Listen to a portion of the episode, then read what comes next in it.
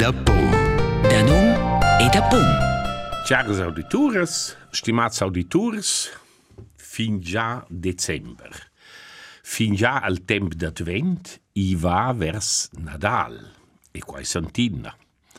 Nadal fa rima cun regal e quai savaina. Ossa regalar es ad un pa una domanda ce regalar e es fetch una proposta da d'un cudes, quai vuol dir in tots un quai treis cudes, ci a nom das alpine Rätschen topografische Beschreibung von 1573. Quai es la descripziun cha Ulrich Campell o Duri Campell, co cha notil clamain veva fat da tot il territori de las lias e quai veva il scrit dal 1571 fin al 73, trais ans al lavorare der via, ci era quist Duri Campbell, ma quasi il riformatur, proprio quel, ci ha tradotto als psalms, scoprum in romansch valader 1562, e quel era nu domandada de scriver sia patria. E el ha fat quai instancable mainch e ha ramassà informazions e ha scrit su quai in latin, ma tot a man. Un miracol c'è quel manoscritto non is i a perder.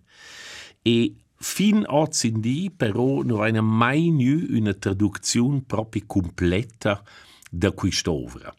In romansch era nu tradotto als anni 60 da men Bazzelle, men Gaudenz, anche las analas, ma be certas parts, in postud l'engiadina naturale, lura amo altres parts, ma scodit in tudai studeva quai. E ossa l'Institut per la perscrutazione della cultura grigiuna, insieme col Fondo Nazional, han fatto un progetto che ha durato 11 dons e a fitch bleras personas han fa part, e Fluri Hitz, l'istoriker dalla partenza, quel es responsabel cha la traduzione tudaisce es o savantman. Questi tre volums sono alci mince cas da leer per mince un ci si interessa al grigion, due volums sulla descrizione ed un volum sono simplemente le annotazioni. Perché non è discorrida quist qui, ossa, sco eventual regal da Nadal, per questi si interessano per nostri Anton. Perché c'è als toponims e coach duri Campbell spiega els toponims in quest'ovra es de irisch lopar. El no aveva molto la scienza per spiegar. E se dopo lei non sape un cas, dempe al comune de Ciaflur, o la frazione de Ciaflur, ci sul territorio del comune de Schlin, la digel, e leo sa or della traduzione romancia, la digel Là és un leuig empestre al pe de la montagna nomnat Flur, un nom compost de dues plets rètics, Tcha e Flur. Qua vol dir là eis la Flur. Scoccia ils de Schlin mossessen, de lur löde vent, ci eis piot vers quel cigiaja, so de lur öl se gessen.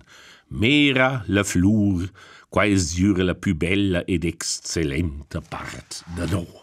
Osa, questo è semplicemente divertente, ma non corrisponde proprio con il fatto, perché c'è c'ha non spilesse un nome da lui per dire guardai là io, Claire c'è flur verrà da ci far alc, con flur, con floris, scozio quasi in latin. Forse c'è las cient flurs, des lura quist en, ma i podes forse esser un nom de famiglia ci va in avos un blancia flur, però quel nom es in Bergialia ed in Müstaire non u sa va in proprio quais. I resta di mena un pa un